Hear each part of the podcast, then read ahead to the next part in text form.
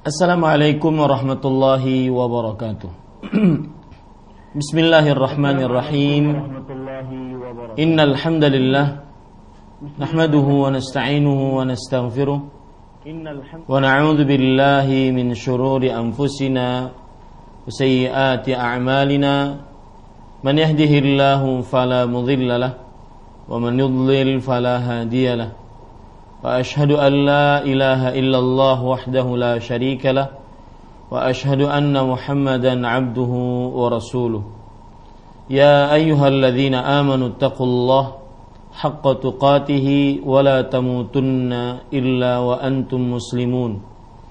يا أيها الناس اتقوا ربكم الذي خلقكم من نفس واحدة وخلق منها زوجها وبث منهما رجالا كثيرا ونساء واتقوا الله الذي تساءلون به والأرحام إن الله كان عليكم رقيبا. يا أيها الذين آمنوا اتقوا الله وقولوا قولا سديدا يصلح لكم أعمالكم ويغفر لكم ذنوبكم ومن يطع الله ورسوله فقد فاز فوزا عظيما. أما بعد فإن أصدق الحديث كتاب الله وأحسن الهدي هدي محمد صلى الله عليه وعلى آله وسلم وشر الأمور محدثاتها وكل محدثة بدعة وكل بدعة ضلالة وكل ضلالة في النار. الحمد لله kita bersyukur pada Allah Subhanahu wa taala.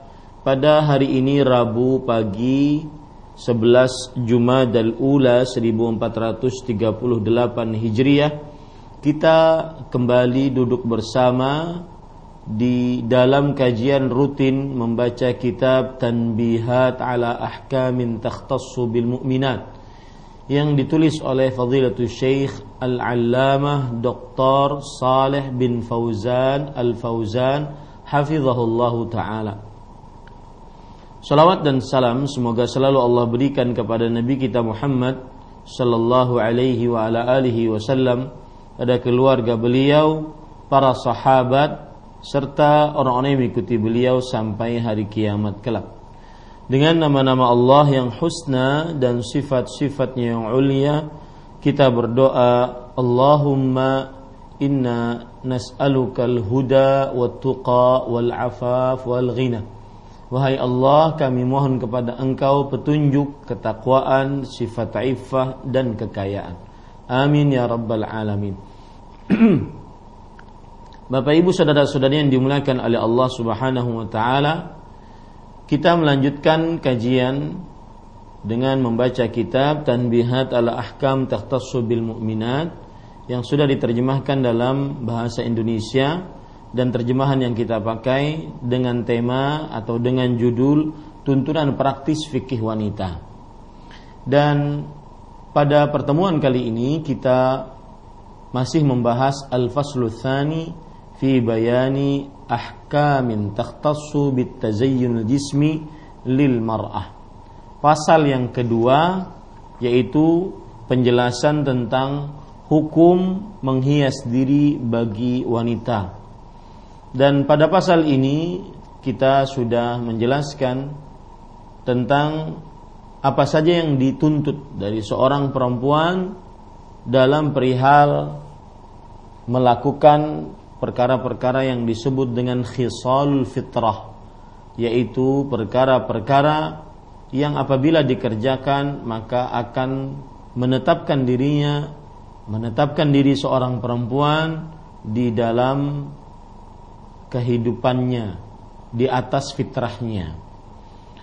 Kemudian pas, uh, poin yang kedua di, dalam pasal ini kita juga sudah membicarakan tentang apa saja yang dituntut dari perempuan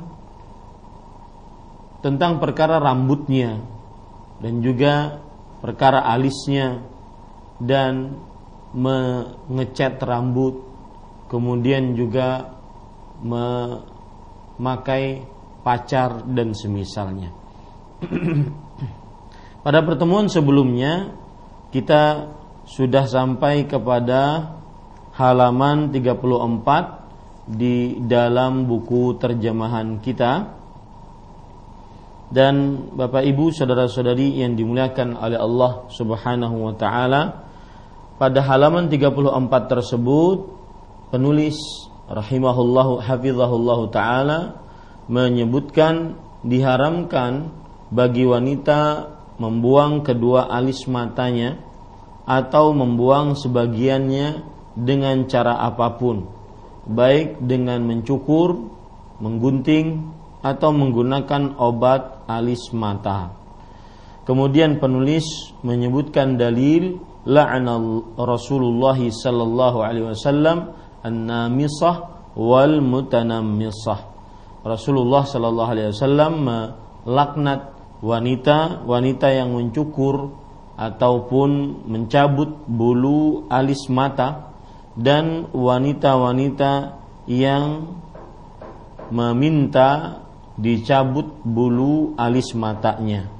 Kemudian penulis menyebutkan bahwa sebab Rasulullah Shallallahu Alaihi Wasallam melaknat perbuatan ini adalah karena di dalamnya terdapat perubahan ciptaan Allah Subhanahu wa taala. Yang mana merubah ciptaan Allah adalah salah satu langkah syaitan dan langkah iblis dalam mengganggu manusia dan kita sebagai hamba Allah Subhanahu wa taala dilarang untuk mengikuti langkah-langkah syaitan sebagaimana di dalam berbagai macam firman Allah Subhanahu wa taala. Di antaranya yaitu Rasulullah Allah Subhanahu wa taala berfirman di dalam Al-Qur'an dalam surat Al-Baqarah ayat surat kedua ayat 168 wala tattabi'u khutuwati syaitan innahu lakum aduwwum mubin. Janganlah kalian mengikuti langkah-langkah syaitan. Sesungguhnya dia yaitu iblis syaitan adalah bagi kalian musuh yang nyata. Begitu juga dalam surah Al-Baqarah surat kedua ayat 208 wala tattabi'u khutuwati syaitan. Innahu lakum aduwwum mubin. Ayatnya juga hampir sama. Dan di dalam surat uh, Al-An'am ayat 142 juga seperti itu. Di dalam surat An-Nur, surat ke-24 ayat 21 Allah Subhanahu wa taala berfirman, "Ya ayyuhalladzina amanu la tattabi'u khutuwatisy syaitan." Wa man yattabi' khutuwatisy syaitan fa innahu ya'muru bil Wahai orang-orang yang beriman, janganlah kalian mengikuti langkah-langkah syaitan. Siapa saja yang mengikuti langkah-langkah syaitan, maka sesungguhnya syaitan memerintahkan kepada perbuatan keji yang diingkari oleh syariat dan akal dan perbuatan mungkar yang menyimpang dari ketaatan kepada Allah Subhanahu wa taala. Ini penyebab kenapa kita diharamkan untuk mengambil bulu alis mata. Kenapa wanita diharamkan untuk mengambil bulu alis mata?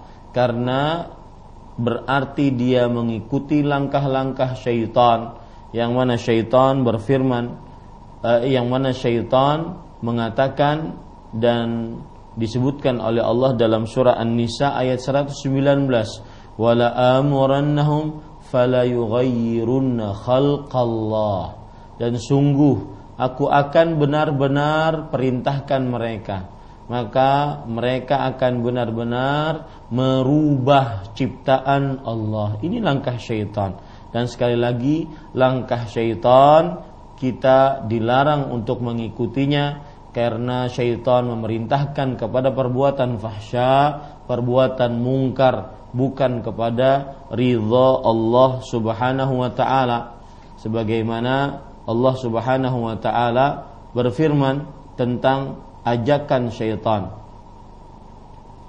Allah Subhanahu wa taala berfirman di dalam surat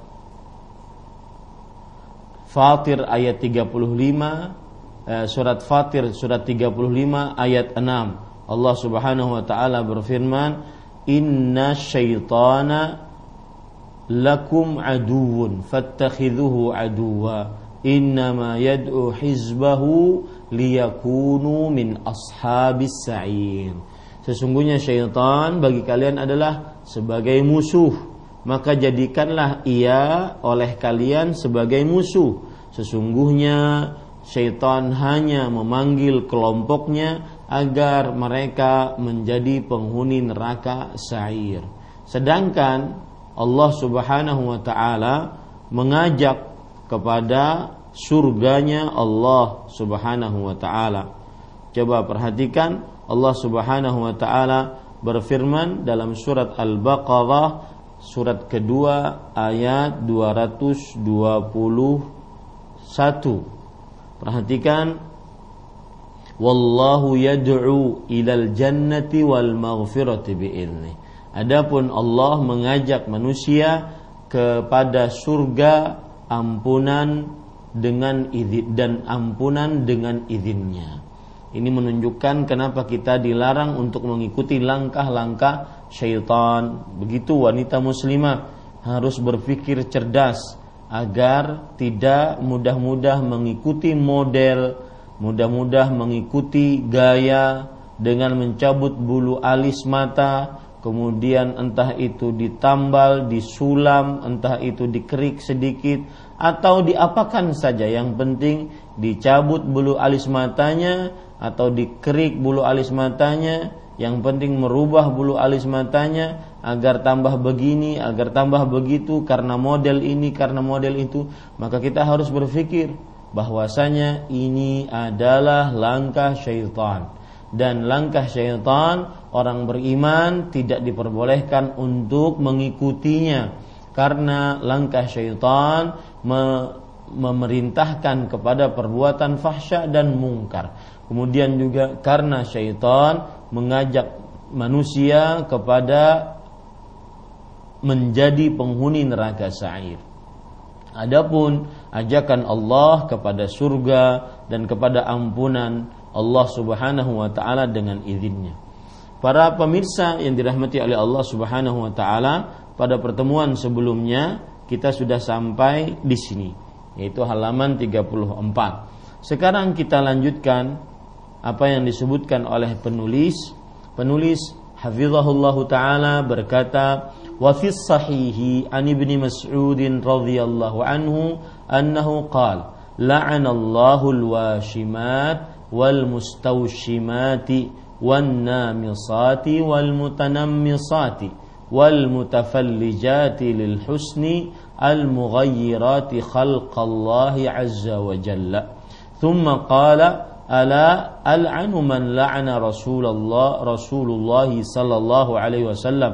وهو في كتاب الله عز wa jal قوله وما آتاكم الرسول فخذوه rasulu نهاكم عنه فانتهوا nahakum anhu dalam as-sahihain ini kemudian penulis menyebutkan dalil yang lain. Diharamkannya seorang perempuan untuk mencabut bulu alis matanya.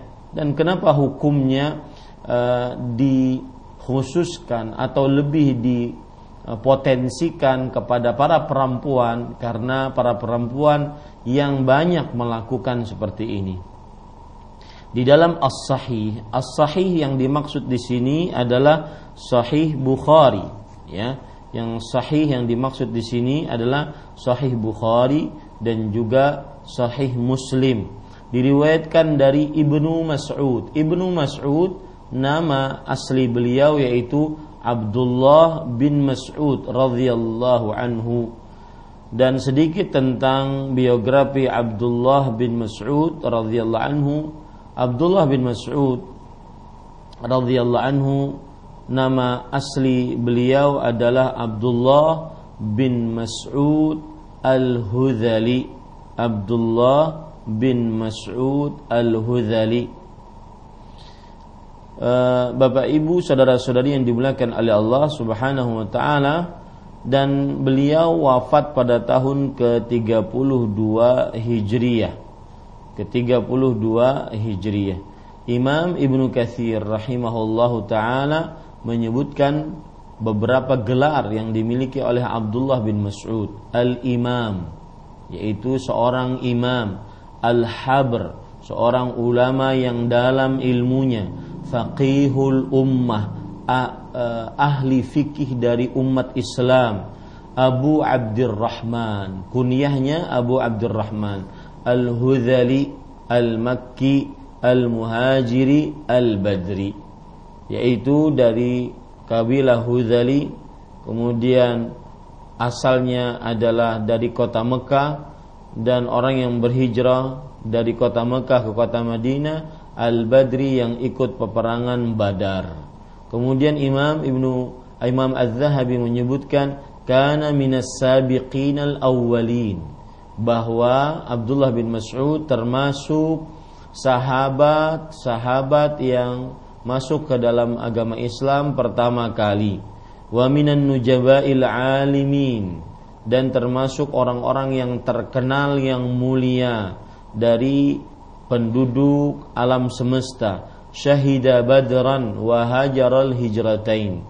Dan beliau mengikuti perang badar dan berhijrah dengan dua kali hijrah yaitu ke negeri Habasyah kemudian ke kota Madinah. Kenapa disebutkan dalam biografi-biografi sahabat tentang eh, sahabat ini mengikuti perang Badar? Karena perang Badar adalah furqan, yaitu pembeda antara al-haq dan al-batil. Perang Badar adalah eh, fasil, yaitu pembeda antara orang-orang yang beriman dengan orang-orang yang Eh, tidak beriman pada saat itu ya. Ini perang Badar. Makanya disebutkan perang Badar juga siapa yang mengikutinya? Dijamin oleh Rasulullah Sallallahu Alaihi Wasallam diampuni dosanya oleh Allah Subhanahu Wa Taala. Kemudian para ikhwan yang dirahmati oleh Allah Subhanahu Wa Taala satu yang menarik dari Abdullah bin Mas'ud radhiyallahu anhu yang kita bisa contoh kana Abdullah min ajwadin nasi thawban abyadha wa atyabun nasi riha. Ini yang paling e, salah satu yang bisa kita contoh dari kebiasaan Abdullah bin Mas'ud bahwa Abdullah bin Mas'ud adalah radhiyallahu anhu orang yang paling suka memakai baju putih. Baju putih. Dan orang yang paling wangi. Ya paling suka memakai baju putih dan yang paling wangi. Para ikhwan yang dirahmati oleh Allah Subhanahu wa taala.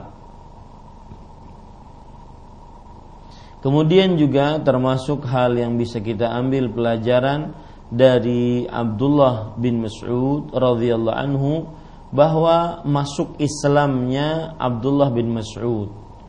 Ya suatu ketika Abu Bakar As-Siddiq radhiyallahu anhu kemudian juga Rasulullah sallallahu alaihi wasallam melewati Abdullah bin Mas'ud beliau sedang menggembala kambing kuntu ar'a ghanaman li Uqbah bin Abi Mu'ayyid aku sedang menggembala kambing yang dimiliki oleh Uqbah bin Abi Mu'ayyid Kemudian lewatlah Rasulullah Sallallahu Alaihi Wasallam bersama Abu Bakar As Siddiq. Lalu uh, Rasul Sallallahu Alaihi Wasallam berkata, Ya gulam hal min laban. Wahai anak muda, apakah kamu punya susu? Maka qultu na'am walakinni mu'taman. Iya, ada susu. Akan tetapi aku hanya sebatas pekerja, bukan pemilik dari kambing-kambing ini. Fahal min syatin lam yanzu 'alaiha al-fahlu? apakah di sana ada seekor kambing yang e, belum melahirkan fa'ataituhu bisyatin maka aku pun mendatangkan dengan seekor kambing betina famasaha dhar'ahu lalu Rasul sallallahu alaihi wasallam me, mengusap puting susu dari kambing betina tersebut fanazala labanun maka turunlah uh, susu dari puting kambing tersebut. Fahalaba fi ina'in fashariba. Lalu Rasul sallallahu alaihi wasallam memerahnya dan memasukkannya ke dalam sebuah bejana lalu beliau meminumnya. Wasaqa Abu Bakrin dan meminumkan menuangkan kepada Abu Bakar. Thumma qala li dhar' iqlis faqalasa. Lalu Rasulullah sallallahu alaihi wasallam berkata kepada puting susu tersebut cukup mengecillah maka mengecillah puting susu tersebut. Lalu setelah itu Abdullah bin Mas'ud mendatangi Rasulullah sallallahu alaihi wasallam. Kemudian beliau berkata, "Ya Rasulullah, alimni min hadzal qaul." Famasaha ra'si. Wahai Rasulullah sallallahu alaihi wa ala alihi wasallam, beritahukan kepadaku apa yang engkau ucapkan tadi. Maka Rasul sallallahu alaihi wasallam mengusap kepala Abdullah bin Mas'ud. Kemudian Rasul sallallahu alaihi wasallam berdoa, "Yarhamukallah innaka ghulaimun muallam." Semoga Allah merahmati engkau, engkau adalah anak muda yang akan diberikan ilmu yang dalam. Akhirnya memang benar Abdullah bin Mas'ud radhiyallahu anhu termasuk uh, sahabat Rasul sallallahu alaihi wasallam yang paling banyak ilmunya dibandingkan yang lainnya. Kita lanjutkan bahwa Nabi Muhammad wasallam bersabda, Allah melaknat.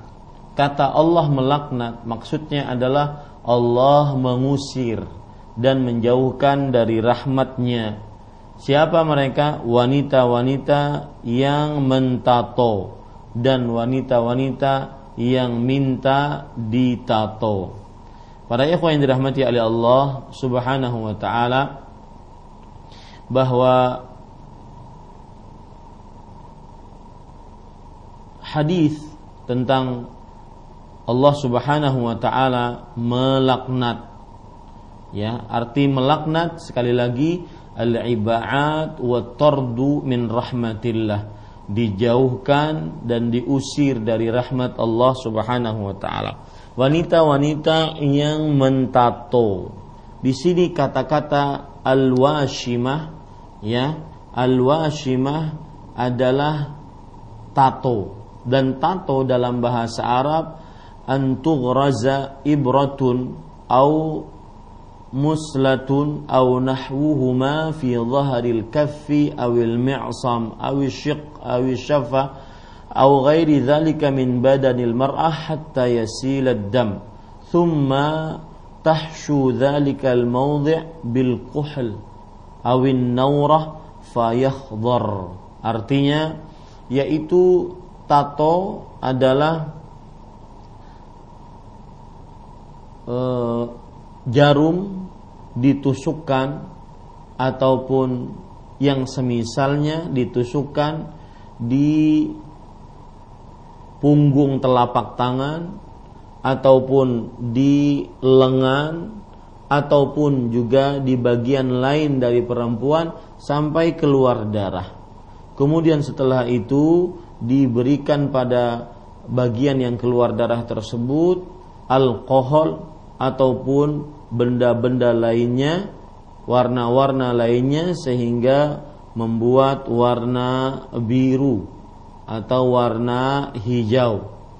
Ya warna hijau. Dan di zaman yang begitu canggih di zaman sekarang maka berbagai macam tata cara seseorang membuat tato. Yang penting semua perbuatan yang dinamakan tato maka masuk ke dalamnya. Ya maka masuk ke dalamnya Para ikhwan yang dirahmati oleh Allah Subhanahu wa taala, ada penjelasan menarik yang disebutkan oleh Imam An-Nawawi rahimahullahu taala di dalam kitab beliau Al-Minhaj Syarhun Nawawi ala Sahih Muslim. Beliau mengatakan, "Qala ashabuna hadzal mawdhi'u alladhi wushima yasiru najisan." Artinya uh, tempat atau bagian yang dijadikan tato ini maka berubah menjadi najis. fa in amkana izalatuhu bil ilaj wajabat izalatuhu. Jika mungkin untuk dihilangkan dengan pengobatan maka wajib dihilangkan. Wa illam yakun illa bil jurh. Wa illam yumkin illa bil jurh fa in khafa minhu talaf aw fawatu udwin aw manfaatu udwin aw syai'an fahishan fi udwin zahirin lam tajib izalatuhu. Jika tidak mungkin kecuali dengan melukainya maka harus dilakukan.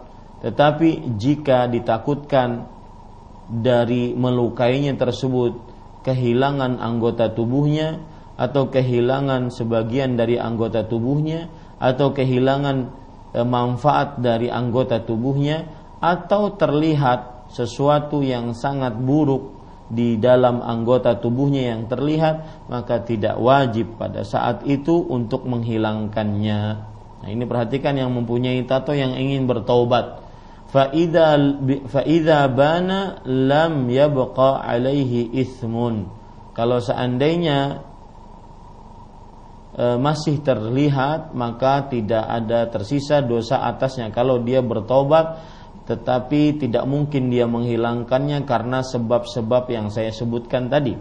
Wa illam yakhaf syai'an min dzalika wa nahwihi lazimahu izalatuhu dan jika tidak ditakutkan sedikit pun dari hal itu atau yang semisalnya maka wajib baginya menghilangkan tato tersebut. Wa ya'sa bi dan dianggap bermaksiat apabila dia mengakhirkannya.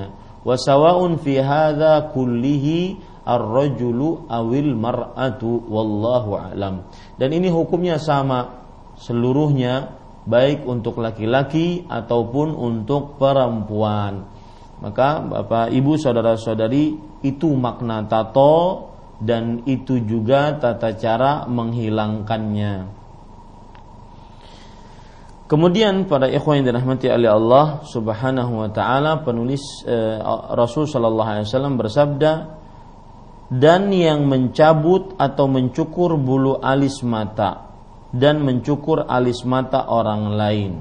Jadi di sini ada dua, dia yang mencabut bulu alis mata, ya, di sini bulu alis mata, atau dia melakukan itu terhadap orang lain. Artinya diminta oleh seseorang dan dia melakukannya terhadap orang lain. Disebutkan di dalam kitab uh, Al-Minhaj Syarah Nawawi ala Sahih Muslim bahwa siapa yang disebut dengan mencabut bulu alis mata. Imam Nawawi mengatakan allati tuzilu sya'ra minal wajhi yaitu orang seorang wanita yang menghilangkan rambut dari wajah. Wal mutanammisah allati tutlabu fi' tatlubu fi'la dzalika biha dan e, mutanammisah adalah wanita yang meminta dicabutkan bulu alis mata. Maka di sini Bapak Ibu saudara-saudari terutama ibu-ibu yang memegang buku terjemahannya mungkin terjemahannya agak keliru ya. Saya bacakan terjemahan yang semoga lebih benar. Allah melaknat wanita-wanita yang mentato dan wanita-wanita yang minta ditato dan yang mencabut atau mencukur bulu alis mata dan yang meminta dicabut atau dicukur bulu alis mata. Ya yang meminta dicabut dan dicukur bulu alis mata. Itu terjemahan yang benar. Karena di sini disebutkan mencukur alis mata orang lain. Tidak tetapi dia yang meminta untuk dicabut dan dicukur bulu alis matanya. Dan perbuatan seperti ini diharamkan. Ya Imam Nawawi rahimahullah taala mengatakan wa hadzal fi'lu haramun illa idza nabatat lil mar'ati lihyatun aw syawarib. Dan perbuatan ini yaitu mencabut bulu alis mata diharamkan kecuali jika seorang wanita e, tumbuh jenggot atau tumbuh kumis fala tahrum izalatuha. Maka tidak haram untuk menghilangkan jenggot tersebut kemudian kumis tersebut. Bal yustahabbu indana. Tetap bahkan dianjurkan menurut mazhab kami yaitu mazhab Syafi'i. Kemudian beliau mengatakan perkataan Imam Ibnu Jarir rahimahullah taala. Beliau mengatakan la yajuzu halqu lihyatiha wala anfaqatiha syaribiha wala taghyira syai'in min khalqatiha bi ziyadatin wala nuqs wala naqs. Dan ini pendapat yang lain yang dikatakan oleh Ibnu Jarir tidak boleh mencukur uh, jenggotnya mencukur uh, bulu-bulu yang keluar dari pipinya kemudian kumisnya dan tidak boleh merubah sedikit pun dari penciptaannya baik dengan penambahan atau dengan pengurangan. Ini berarti ada dua pendapat dalam perkara jenggot dan di dalam perkara uh, kumis, ya. Kemudian Imam Nawawi mengatakan wa madhhabuna ma qaddamnahu min istihbabi izalatil lihya wasyaribi wal anfaqah dan sedangkan madhab kita yaitu madhab syafi'i sebagaimana yang sudah kita sebutkan pendapatnya dianjurkan menghilang bagi perempuan menghilangkan e, jenggot kalau tumbuh atau kumis ya atau anfaqa. Anfaqa saya tidak paham apa maksudnya. Wa anna nahya innama huwa fil hawajib wa ma fi atrafil wajh. Adapun yang dilarang hanyalah hanya hawajib yaitu alis-alis uh, mata dan juga bulu-bulu yang ada di samping-samping wajah. Nah, ini para ikhwan yang dirahmati oleh Allah Subhanahu wa taala. Kita lanjutkan, kemudian termasuk yang dilaknat juga adalah dan yang mengasah. Dalam tanda kurung di sini merenggangkan gigi untuk kecantikan. Dalam bahasa Arabnya al-mutafallijat. Al-mutafallijat kata Imam Nawawi rahimahullah والمراد ب والمراد مفلجات الأسنان بأن تبرد ما بين أسنانها الثنايا والرباعيات وهو من الفلج وهي فرجة بين الثنايا والرباعيات وتفعل ذلك العجوز ومن قاربتها في السن إظهارا للصغر وحسن الأسنان لأن هذه الفرجة اللطيفة بين الأسنان تكون للبنات الصغار. فإذا عجزت المرأة كبرت سنها وتوحشت فتبردها بالمبرد لتصير لطيفة حسنة المنظر وتوهم كونها صغيرة ويقال له أيضا الوشر.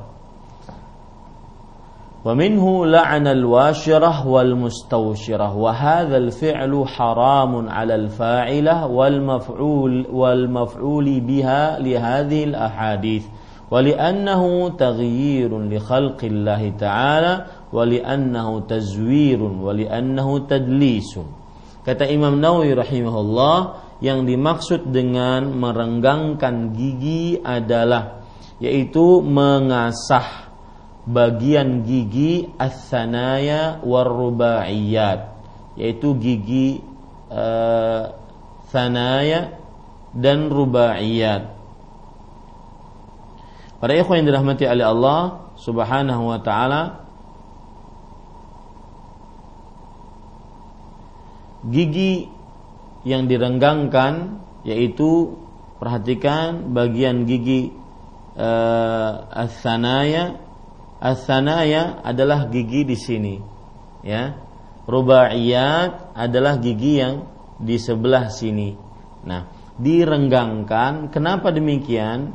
Lihat penjelasan Imam Nawawi tadi. Beliau mengatakan uh, dilakukan itu kepada wanita yang sudah agak tua.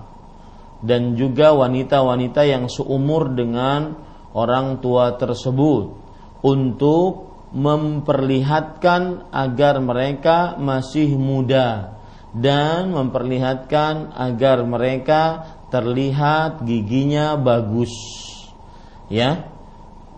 Karena kebiasaan bahwa gigi susu yang terlihat yang renggang itu dimiliki oleh wanita-wanita yang masih muda. Wanita-wanita yang masih belia ya. Dan disebut juga kata Imam Nawawi yaitu e, sebagai al-washar.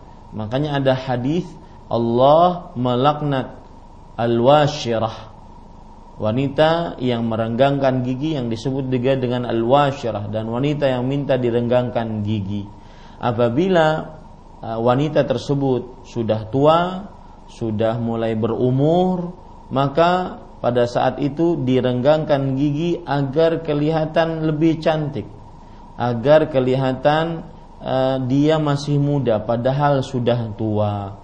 Maka perbuatan ini diharamkan bagi pelakunya ataupun bagi orang-orang yang minta diberlakukan padanya berdasarkan hadis-hadis ini dan dikarenakan pada hal tersebut merubah ciptaan Allah juga terjadi e, pemalsuan juga terjadi pendustaan.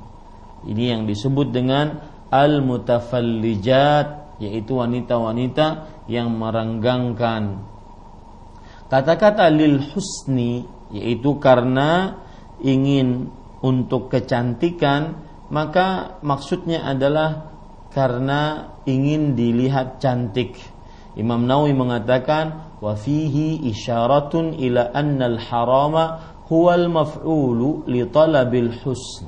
Ama law ihtajat ilaihi li'ilajin aw aibin fi sin wa nahwihi fala ba's wallahu a'lam.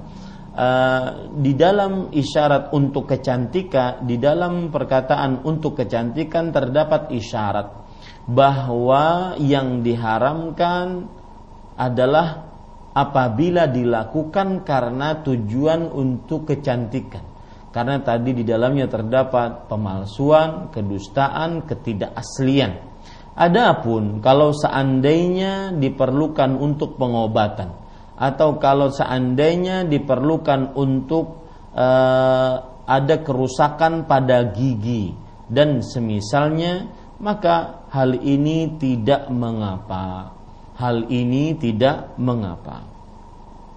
Ini Bapak, Ibu, saudara-saudari yang dimuliakan oleh Allah Subhanahu wa taala. Kemudian setelah itu disebutkan yang merubah ciptaan Allah.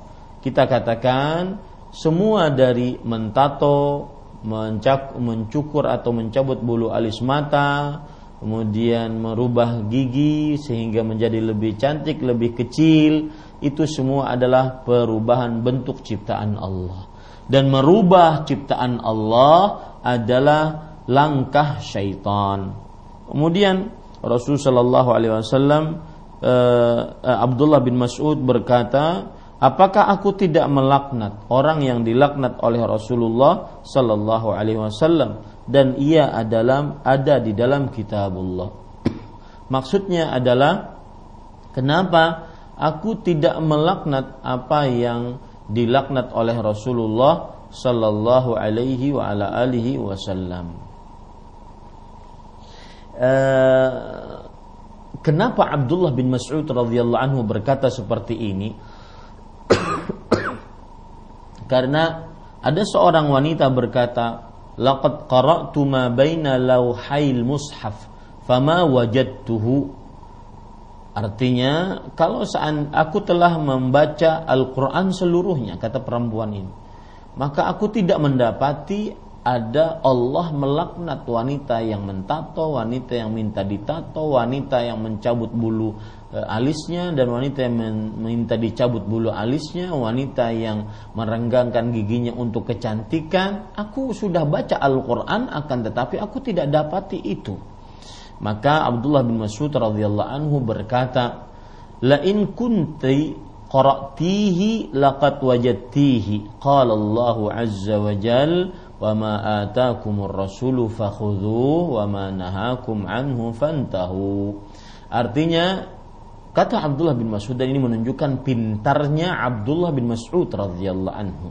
Jika engkau membacanya maka engkau akan mendapatinya di dalam Al-Qur'an. Sungguh Allah telah berfirman, apa saja yang Rasul Shallallahu Alaihi Wasallam bawa maka ambillah dan apa saja yang Rasul Shallallahu Alaihi Wasallam larang maka jauhilah. Nah, tato, mencabut bulu alis, merenggangkan gigi dilarang oleh Rasulullah Shallallahu Alaihi Wasallam dalam hadisnya, maka ambillah hal tersebut. Ini menunjukkan bahwa kita bisa memakai dalil bahwa eh, semua yang dilarang oleh Rasul Shallallahu Alaihi Wasallam maka semestinya kita harus menjauhinya meskipun di dalam Al-Quran belum disebutkan. Maka ini juga bantahan kepada orang-orang yang senantiasa hanya menggunakan Al-Quran dan tidak mau menggunakan hadis Rasul Sallallahu Alaihi Wasallam sebagai uh, hukum sandaran hukum sebagai sandaran hukum. Kita katakan seandainya Anda membaca Al-Qur'an, maka Anda akan menjadikan hadis Rasul sebagai sandaran hukum. Wa ma atakumur rasulu fakhudhuhu wa ma nahakum anhu fantahu. Karena Rasul sallallahu alaihi wasallam mengatakan apa saja yang Rasul sallallahu alaihi wasallam bawa kepada kalian ambillah dan apa saja yang Rasul sallallahu alaihi wasallam larang kepada kalian maka jauhilah. Dan saya peringatkan kepada masyarakat sekalian para pemirsa dan seluruh para pendengar dan seluruh kaum muslimin. Siapa yang mengajak kepada ajaran bahwa hanya mengambil Al-Quran saja, meninggalkan hadis, ayo kembali kepada Al-Quran yang mulia saja tanpa mengambil hadis maka ini ajaran menyimpang dari Al-Quran itu sendiri. Karena Allah tadi berfirman, wa ma atakumur rasul fakhudhu wa ma nahakum anhu fantahu. Surat Al-Hasyr ayat 7. Kemudian e, kalau kita lihat e, lanjutan dari hadis ini ada perkara menarik mudah-mudahan bermanfaat. Perhatikan baik-baik. Faqalatil mar'ah fa inni ara syai'an min hadza ala imra'atikil an.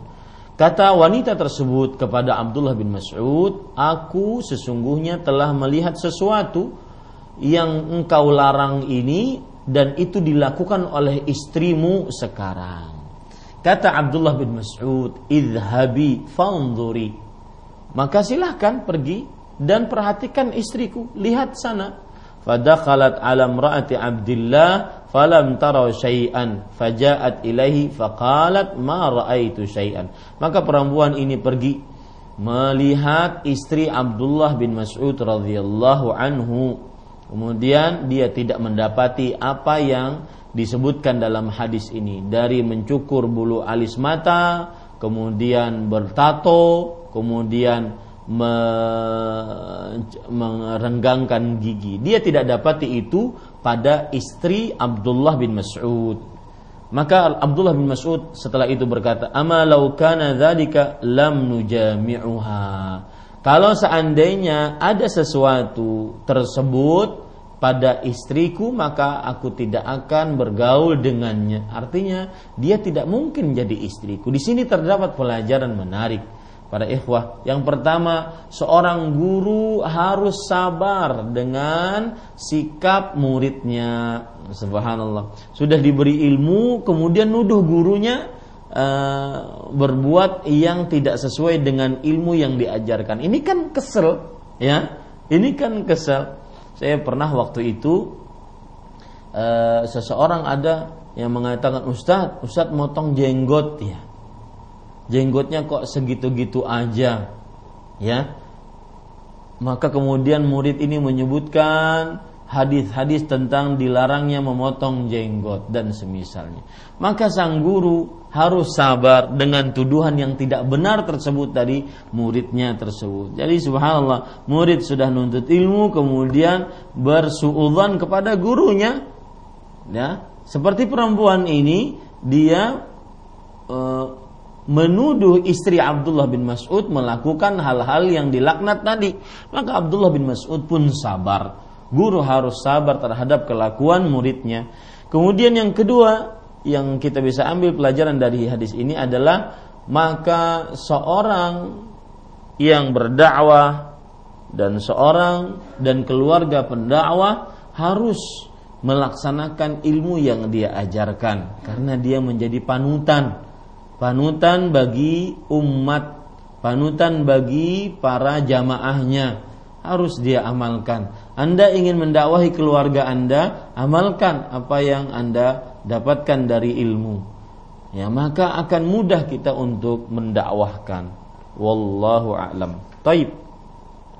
Kemudian Bapak Ibu saudara-saudari yang dimuliakan oleh Allah Subhanahu wa taala kita lanjutkan apa yang disebutkan oleh penulis.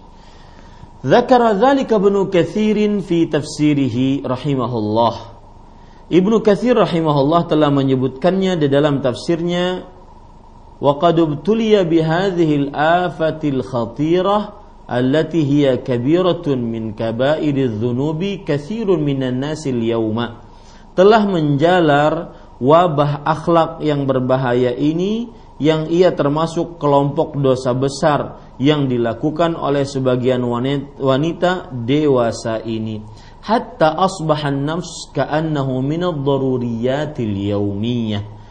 Sehingga pencabutan bulu alis mata seolah-olah merupakan hal yang sangat diperlukan ya yang harus dilakukan di zaman sekarang ini. Wala yajuzu laha an tuti'u an tuti'a zawjuha idza amaraha bidzalik li'annahu ma'asiyah jika suaminya memerintahkan untuk melakukannya maka si istri tidak boleh mentaati perintah suaminya itu karena perbuatan itu tergolong maksiat. Eh, dari perkataan Imam Ibnu Katsir rahimahullahu taala ini maka kita bisa mengambil pelajaran uh, kenapa sebagian orang padahal itu dosa besar tapi dia malah melakukannya bahkan dijadikan sebagai keperluannya sehari-hari. Ada beberapa sebab orang kenapa dia terperosok ke dalam dosa besar bahkan kecanduan dengan dosa besar. Yang pertama, tidak adanya perhitungan di dunia.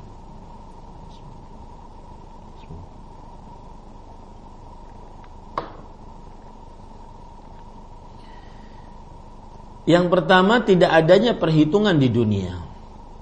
Ya, sebagaimana perkataan Ali bin Abi Thalib radhiyallahu anhu innal yawma amalun wala hisabun wa gadan hisabun wala amal. Hari ini yaitu di dunia yang ada cuma beramal. Beramal apa saja. Entah itu amal baik, entah itu amal buruk, dosa, dosa kecil, dosa besar beramal. Wala hisab dan tidak ada hisab sedikit pun. Tidak ada hisab sedikit pun.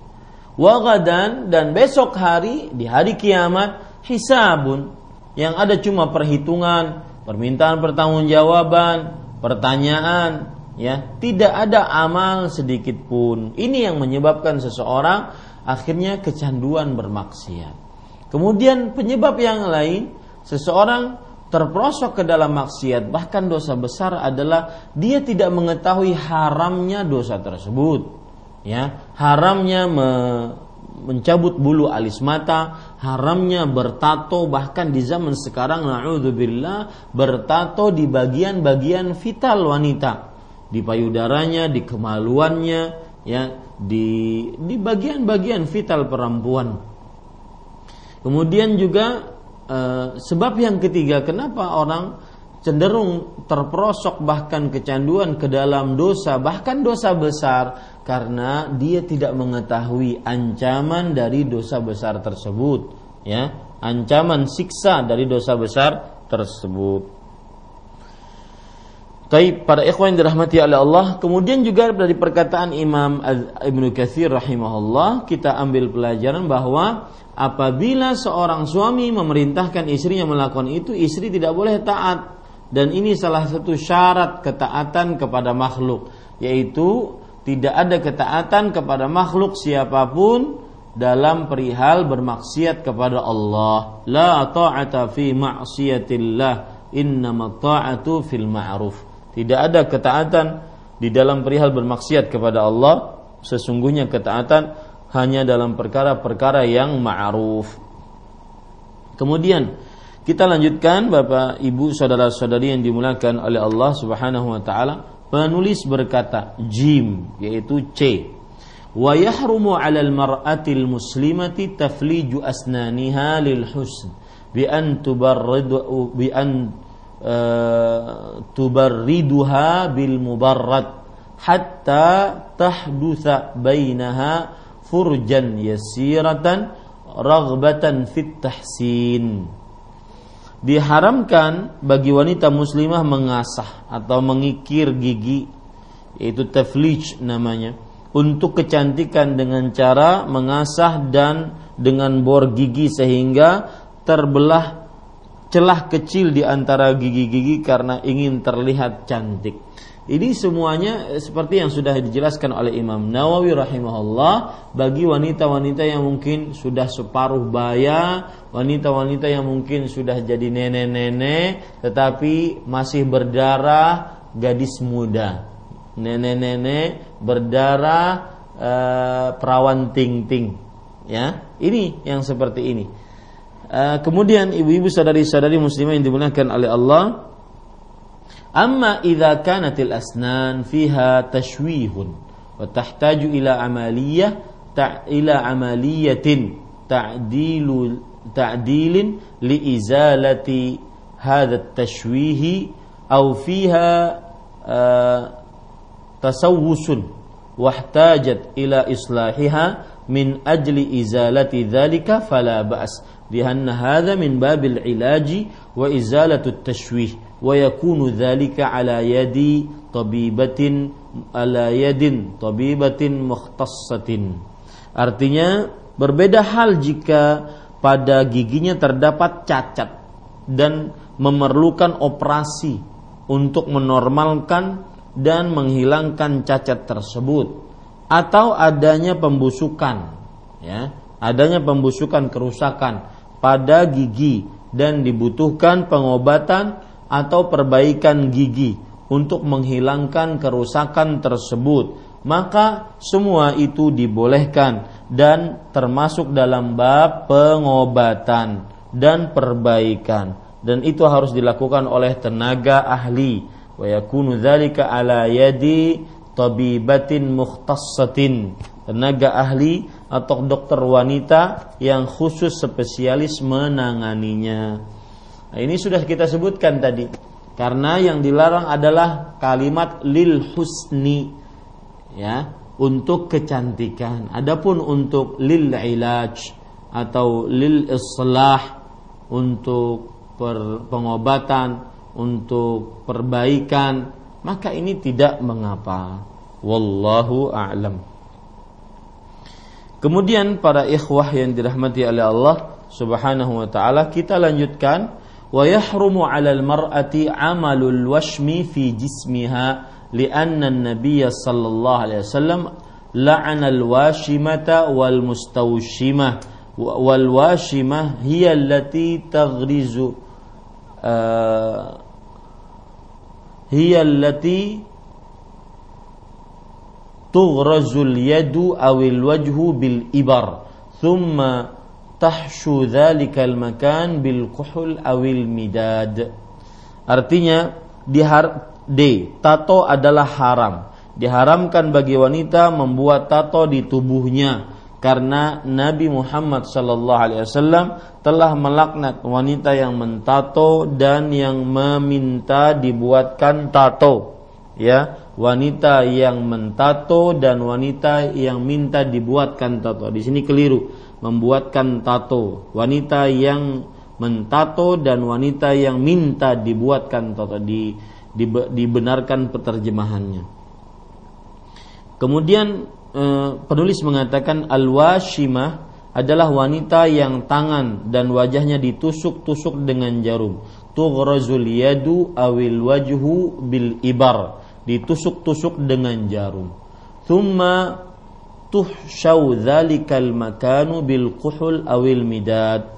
Lalu tempat bekas yang telah ditusuk-tusuk itu diisi dengan serbuk sifat e, mata atau tinta ya bil kuhul awil midad kuhul e, biasanya yaitu yang digunakan untuk celak mata ataupun dengan tinta diisi jadi sudah di e, ditusuk-tusuk kemudian diisi dengan celak mata tersebut Kalau di zaman dahulu seperti itu ya. Di zaman sekarang lebih canggih lagi mungkin ada bahan-bahan khususnya. Yang jelas itu semuanya diharamkan. Wal mustaushimah hiya allati yaf'alu biha yuf'alu biha dzalik. Artinya al mustaushimah wanita yang melakukan pekerjaan itu untuk orang lain. Ini keliru terjemahannya al mustaushimah wanita yang meminta pekerjaan itu dilakukan.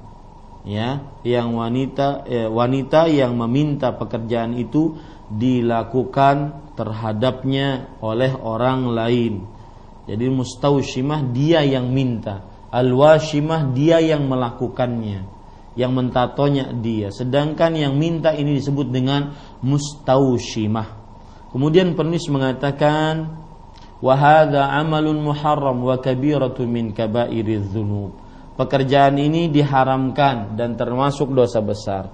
Dan ini obat agar kita dan mungkin kerabat-kerabat kita tidak e, termasuk ke dalam dosa ini, yaitu dikenalkan tentang haramnya tato dan haramnya meminta untuk ditato. Ya, dan dikenalkan bahwa dia dosa besar dan seorang yang cerdas tidak mudah untuk me, apa namanya memudahkan mengerjakan dosa besar. Kenapa disebut dosa besar? Lianna Nabi sallallahu alaihi wasallam la'ana min min fi'latihi au fu'ila biha. Pekerjaan ini diharamkan dan termasuk dosa besar. Karena Nabi Muhammad SAW melaknat orang yang melakukannya atau orang yang melakukannya untuk orang lain. Ini juga keliru. Allah Rasul SAW melaknat orang yang melakukannya atau yang dilakukan kepadanya. Walla'nu la yakunu illa ala kabiratin minal kabair. Dan sebuah laknat tidak akan diberikan kecuali terhadap dosa besar. Maka hati-hati ini Bapak Ibu saudara-saudari yang dimuliakan oleh Allah Subhanahu wa taala. Kita lanjutkan Bapak Ibu saudara-saudari yang dimuliakan oleh Allah tentang menghias diri bagi perempuan. Uh, yang H yaitu E hukmul khidhabilin nisa wa sya'ri wa tahalli bidzahab. Hukum memaca mewarnai dengan pacar dan menyemir rambut. Ini juga kurang terjemahannya. Wa tahalli bidzahab. Dan memakai emas. Hukum mewarnai dengan pacar maksudnya mewarnai kuku dengan pacar mewarnai tangan dengan pacar dan menyemir rambut menyemir rambut dengan warna-warna yang bermacam-macam apa hukumnya dan memakai perhiasan dari emas. Para ikhwah yang dirahmati oleh Allah Subhanahu wa taala kita baca sekarang apa yang disebutkan oleh penulis Al-khidabu qala al-Imam An-Nawawi rahimahullah amma khidabul yadain wir rijlain bil hinna fa mustahabbun lil mutazawwijati minan nisa mewarnai dengan fajar. Imam An-Nawawi rahimahullahu taala di dalam kitab Al-Majmu' yang dimaksud dengan Alkitab Al-Majmu' di sini adalah Al-Majmu' Syarhul Muhadzab, salah satu kitab yang merupakan kitab penting di dalam kitab uh, mazhab uh, al-Syafi'i rahimahullahu taala. Taib. Imam An-Nawawi di sini terjemahan daripada Imam An-Nawawi ataupun biografi dari Imam An-Nawawi rahimahullahu taala.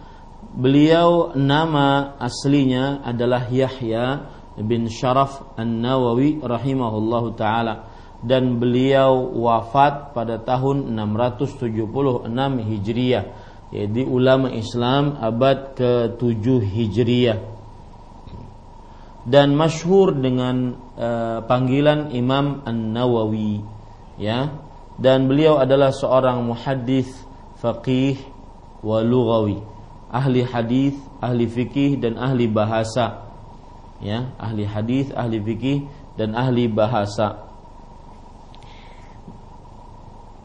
Dan buku-buku beliau dijadikan sebagai umdah pokok di dalam salah satu di dalam kitab eh, atau di dalam madhab syafii dan uh, beliau adalah muhaqqiqul madhab beliau adalah peneliti dari madhab Imam Asy-Syafi'i rahimahullahu taala. Dan eh, buku-buku uh, beliau sangat-sangat bermanfaat untuk kaum muslimin baik di dalam perkara fikih atau hadis atau sejarah ataupun juga di dalam kitab-kitab adab di antara buku-buku beliau yang sangat terkenal Riyadhus Salihin min kalami Sayyidil Mursalin, kemudian Al-Arba'in An-Nawawiyah, kemudian juga kitab Al-Majmu' Syarhul Muhadzab, kemudian juga kitab uh, kitab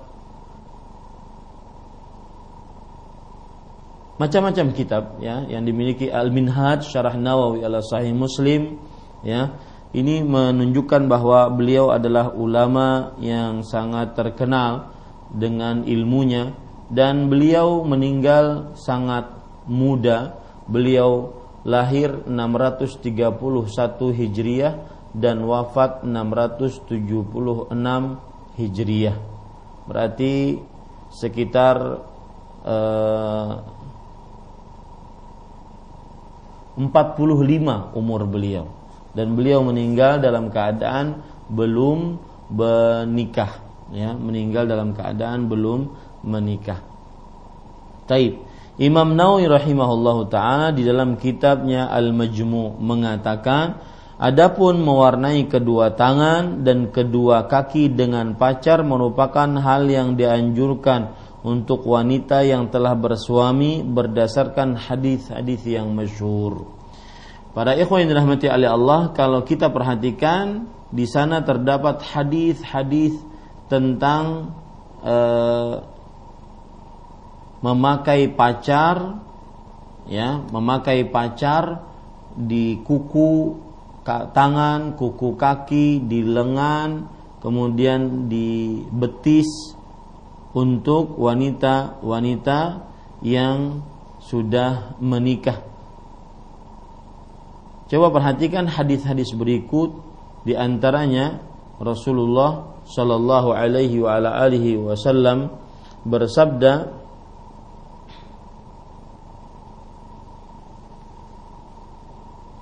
dalam hadis riwayat Imam Ibnu Abi Syaibah al-hinna sayyidu rihil jannah. Artinya pacar adalah uh, pemimpin bau wangi di surga. Hadis ini disebutkan oleh Ibnu Abi Syaibah dan juga Ibnu Asakir dari sahabat Anas bin Malik radhiyallahu anhu. Akan tetapi hadis ini dilemahkan oleh Imam Albani rahimahullahu taala. Di antaranya juga hadis yang lain yaitu hadis riwayat Imam Abu Daud. Rasul sallallahu alaihi wasallam bersabda, ilbasu min thiyabikumul bidha fa innaha min khairi thiyabikum wa kaffinu fiha mautakum wa inna khair akhalikumul ithmida yajlul basara wa yumbitu sya'ra pakailah dari pakaian kalian yang berwarna putih. Sesungguhnya dia adalah sebaik-baik pakaian kalian. Dan kafanilah dan kafanilah uh, dengan warna putih tersebut dengan kain tersebut Eh, mayit-mayit kalian. Sesungguhnya sebaik-baik uh, celak mata bagi kalian adalah dari ismid yang menyerangkan penglihatan dan menumbuhkan bulu mata. Ini semua disebutkan tentang eh, hal-hal yang berkaitan dengan memakai pacar, kemudian memakai celak dan yang semisalnya. Jadi terdapat hadis-hadis Rasul Shallallahu Alaihi Wasallam yang berkaitan dengan pemakaian uh, pacar tersebut. Kemudian Imam Nawawi rahimahullahu taala berkata, yushiru ila ma rawahu Abu Dawud anna imra'atan sa'alat Aisyah Aisyah radhiyallahu anha an khidhabil hinna bahwa uh, Imam Nawawi mengisyaratkan kepada hadis yang diriwayatkan oleh Abu Dawud bahwa seorang wanita telah bertanya kepada Aisyah radhiyallahu anha tentang mewarnai dengan pacar. Faqalat la ba'sa. Aisyah radhiyallahu anha berkata boleh saja walakinni akrahuhu tetapi aku tidak menyukainya. Karena habibi Rasulullah sallallahu alaihi wasallam yakrahu rihahu uh, Rasulullah sallallahu alaihi wasallam kekasihku tidak menyukai bau pacar itu. Artinya boleh memakainya. Cuma waktu itu Rasul sallallahu alaihi wasallam tidak menyukai bau pacarnya. Warawahun Nasa'i dan juga diriwayatkan oleh Imam An-Nasa'i wa anha radhiyallahu anha qalat. Dari Aisyah radhiyallahu anha ia berkata au ma'at imra'atun min wara'i sitr biyadiha kitabun ila Rasulillah sallallahu alaihi wasallam فقبض النبي صلى الله عليه وسلم يده وقال ما أدري أي رجل أم أيد رجل أم يد امرأة ia mengatakan seorang wanita memberi isyarat kepada Rasul Shallallahu Alaihi Wasallam yang di tangannya ada sebuah kitab dari belakang hijab. Lalu beliau melepaskan tangan beliau dan berkata, Aku tidak tahu apakah ini tangan laki-laki atau tangan wanita. Maka qalatin bal yadum ra'ah. Wanita itu menjawab tangan wanita. Qala law kuntim ra'ah laghayyarat alfa laghayyarti alfaraki Rasul Shallallahu Alaihi Wasallam bersabda, kalau engkau seorang wanita maka hendaklah engkau merubah kukumu. Artinya memakai pacar sehingga ada bedanya kuku wanita dengan kuku laki-laki. Jadi ceritanya Rasul Shallallahu Alaihi Wasallam waktu itu dari belakang hijab kemudian terdapat tangan, kemudian beliau tidak beliau memegang tangannya Beliau tidak tahu apakah di depan ini tangan perempuan atau tangan laki-laki. Makanya beliau tidak mau menjulurkan tangan beliau. Nah, ini nah, ini menunjukkan bahwasanya seorang wanita hendaknya memakai pacar. Lakin la tusbiru adfaraha bima yatayammadu 'alaiha wa yamna'u at-taharah wa yamna'u at-taharah namun janganlah wanita memakai kuku-kukunya dengan bahan yang membeku di atas kukunya, seperti cat kuku atau kutek sehingga menghalangi air ketika bersuci. Ini menunjukkan bahwasanya memakai pacar ya dianjurkan bagi perempuan. Akan tetapi jangan dengan bahan-bahan yang menghalangi air untuk terkena kuku atau terkena kulit yang ada pada kuku tersebut sehingga bersucinya tidak sempurna. Kita lanjutkan sedikit Bapak Ibu saudara-saudari yang dimuliakan oleh Allah Subhanahu wa taala tentang e, memakai e, mewarnai rambut. Yang kedua, adapun mewarnai rambut kepala apabila beruban, hendaknya ia mewarnainya dengan selain warna hitam Berarti boleh seorang perempuan dan juga laki-laki untuk mewarnai rambut jika sudah beruban asal dengan selain warna hitam. Karena larangan Nabi Muhammad SAW pada umumnya mewarnai dengan hitam. Di sana terdapat larangan Rasul Shallallahu Alaihi Wasallam ya e, mewarnai rambut dengan warna hitam. Karena ini termasuk daripada larangan yang harus kita jauhi. Taib. Kemudian penulis mengatakan Imam An-Nawawi rahimahullah dalam kitab Riyadhus Salihin halaman 626 mengatakan laki-laki dan wanita dilarang menyembir rambutnya dengan warna hitam. Dilarang menyemir rambutnya dengan warna hitam salah satu sebabnya adalah karena tadlis, yaitu pe, pemalsuan, kemudian juga e, pendustaan, ya. Karena dikira sudah e, masih muda padahal sudah tua. Dilarang untuk me, menyemir rambut dengan warna hitam. Waqala fil majmu' dan Imam Nawawi mengatakan di dalam kitab Al-Majmu' tidak ada perbedaan antara wanita dan laki-laki tentang larangan menyemir rambut dengan warna hitam. Ini tidak dibedakan baik laki-laki ataupun wanita tidak diperbolehkan untuk menyemir rambut dengan warna hitam.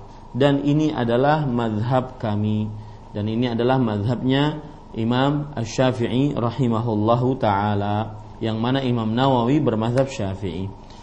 Kemudian penulis mengatakan, adapun wanita menyemir rambutnya yang hitam dengan warna lain, menurut pendapat kami hal ini tidak dibolehkan. Nah, Syekh Saleh bin Fauzan Al Fauzan hafizahullah, kalau ada perempuan berwarna rambutnya masih hitam, kemudian dirubah dengan warna yang lain, warna warna yang lain misalkan, maka ini Syekh mengatakan tidak dibolehkan. Kenapa demikian? Karena tidak ada alasan untuk melakukannya. Adapun yang sudah memutih rambutnya, maka dibolehkan untuk dirubah dengan warna selain hitam.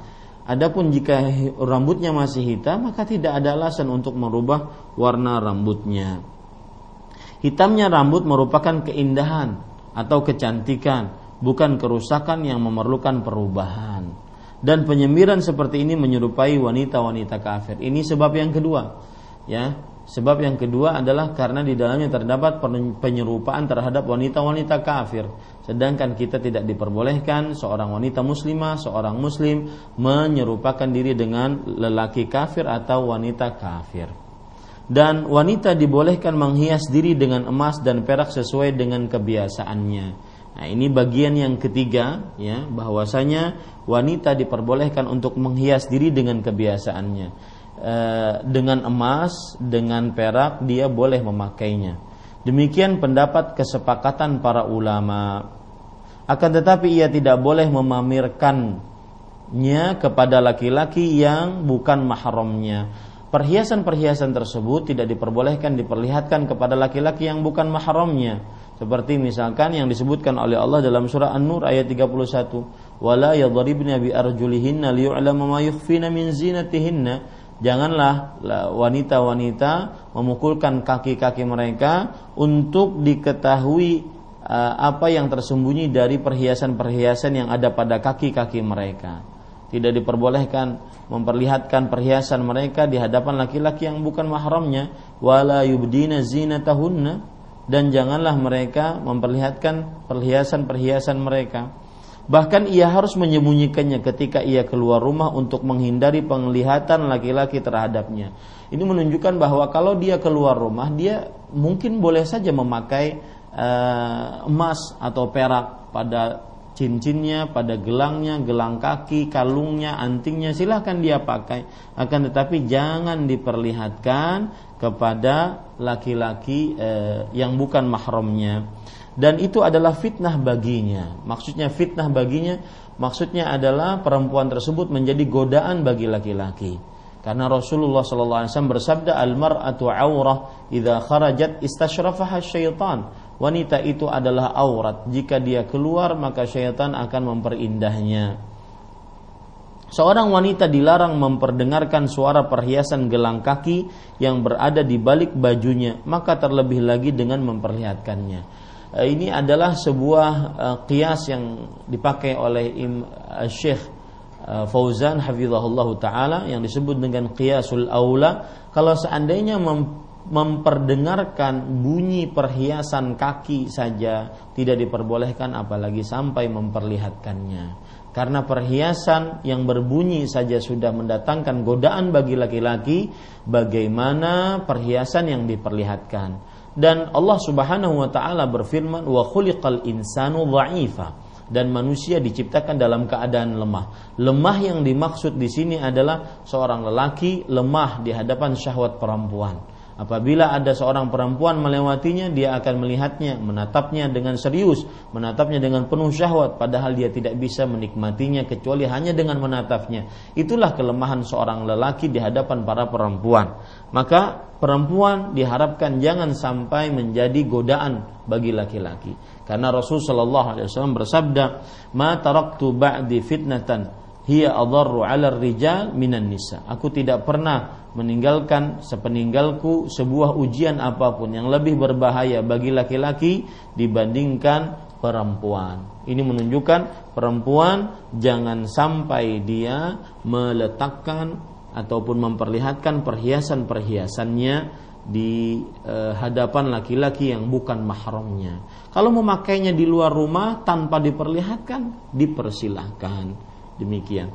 Ini kira-kira yang bisa kita sampaikan dan alhamdulillah pasal yang kedua pada hari ini selesai. Insya Allah Taala kita akan membahas pasal yang ketiga pada pertemuan yang akan datang, yaitu yang berkaitan dengan bab haid, istihadah, kemudian nifas.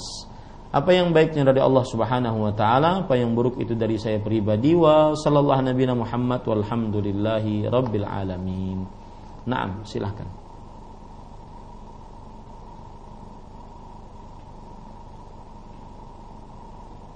Jazakallahu khairan, terima kasih atas materi yang sangat bermanfaat ini.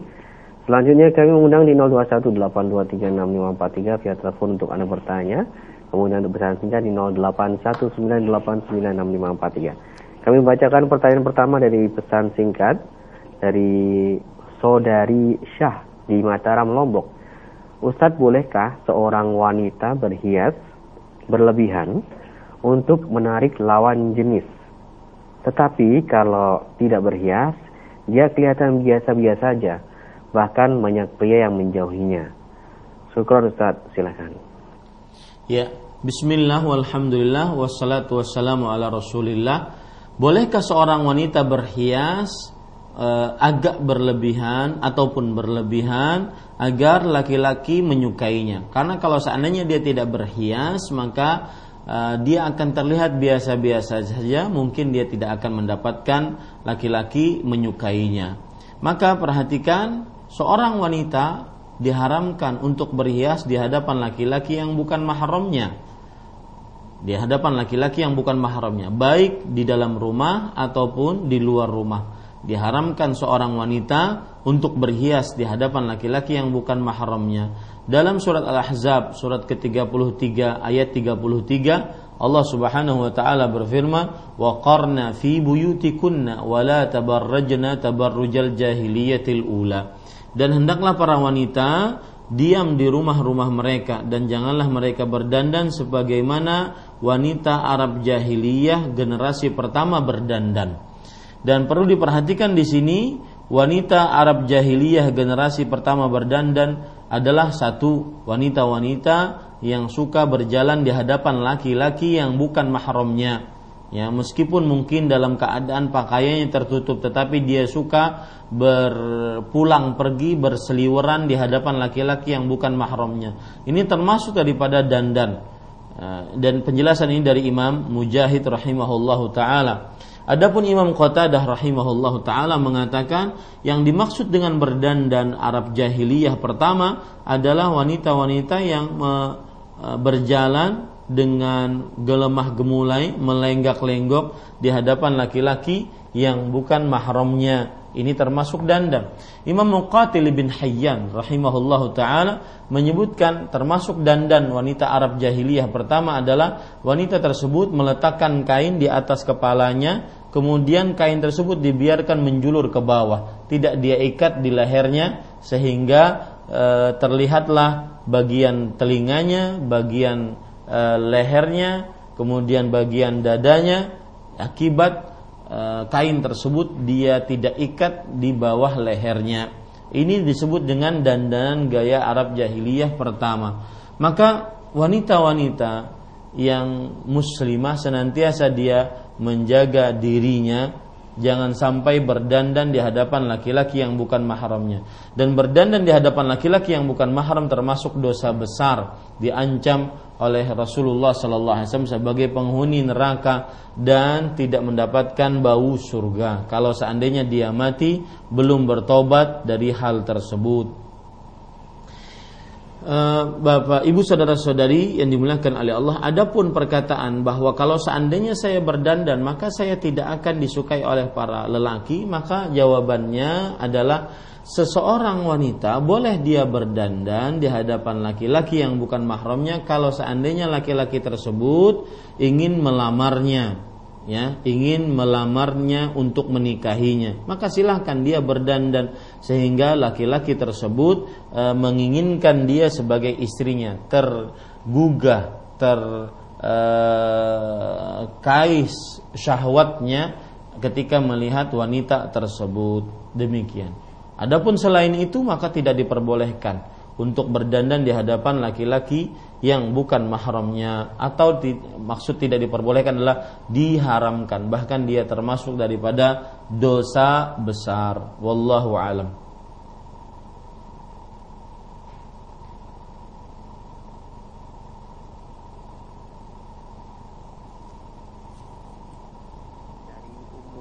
Sitkia di Tasikmalaya yang bertanya Assalamualaikum Ustadz apakah sama hukum larangan tato berupa gambar tempel yang sering dijumpai anak-anak dari jajanan mereka kemudian dipasang pada tangan atau kakinya.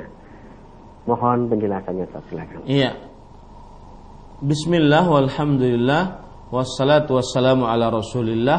Para pemirsa yang dirahmati oleh Allah, makanya di sini penting kita untuk memahami apa itu tato. Tadi sudah kita sebutkan tato adalah antughraza al-yadu awil wajhu awil badanu bil ibar thumma tuhshaw bil kuhul au ghairiha uh, tato itu adalah ketika jarum ditusuk di telapak tangan atau di wajah atau di bagian-bagian tubuh lainnya lalu setelah itu dibuburi dengan uh, celak ataupun alkohol ataupun yang lainnya sehingga membuat bentuk ya pada tubuh, warna pada tubuh.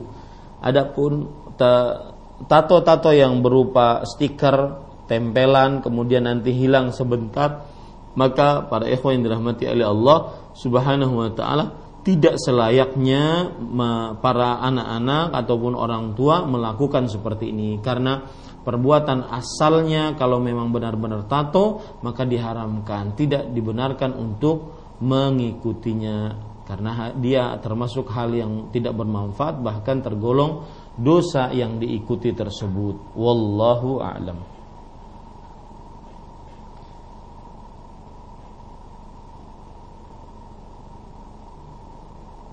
Allah khairan Ustaz dan terima kasih atas jawaban-jawabannya. Mohon maaf Ustaz karena terbatasnya waktu. Mohon Ustaz sebelum mengakhiri kajian ini diberikan ikhtitam. Fadal.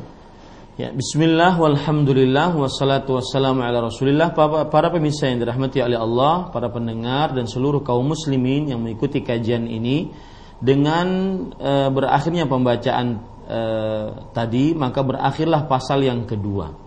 Maka dari pasal yang kedua ini kita bisa mempelajari bahwa ternyata Islam pun mengatur bagaimana seorang wanita menghias dirinya yang sesuai dengan syariat Islam.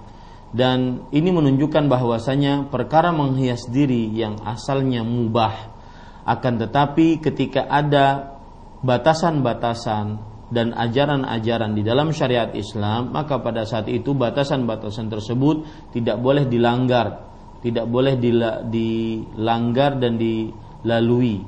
Ya, adapun yang lainnya yang belum ada batasan, hukum berhias diri adalah halal, mubah, tidak terlarang sedikit pun. Mudah-mudahan dengan mengetahui batasan-batasan tersebut kita benar-benar uh, bisa bersikap apa saja perbuatan-perbuatan yang merupakan khisalul fitrah. Perkara-perkara yang apabila dikerjakan dia akan tetap dalam fitrahnya. Seperti memotong kuku, kemudian menipiskan kumis, mencabut bulu ketiak, menghabiskan bulu kemaluan, berkhitan. Kemudian juga seorang wanita memperhatikan bagaimana rambutnya, rambutnya sudah kita pelajari apakah dia boleh dipotong atau tidak, hendaknya dia memanjangkannya, kemudian tidak diperbolehkan untuk e, menggundulnya, diharamkan untuk menggundulnya. Kemudian juga yang sudah kita pelajari adalah seorang wanita memperhatikan bagaimana e, bulu alis matanya, kemudian memperhatikan tato, memperhatikan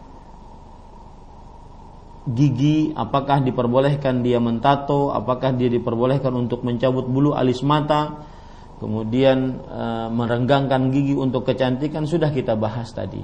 Ya mudah-mudahan semua ini bermanfaat sehingga kaum wanita muslimah mengetahui tentang tata cara menghias diri yang dibatasi oleh syariat Islam. Apa yang baik dari Allah Subhanahu wa taala, apa yang buruk itu dari saya pribadi dan saya mohon ampun kepada Allah Subhanahu wa taala dan mohon maaf kepada para pemirsa sekalian tentang apa saja yang belum bisa dipahami dengan baik. Semoga dan juga apa saja perkataan yang tidak Eh, berkenan. Semoga menjadi ilmu yang bermanfaat. Kita lanjutkan nanti pada pasal yang ketiga.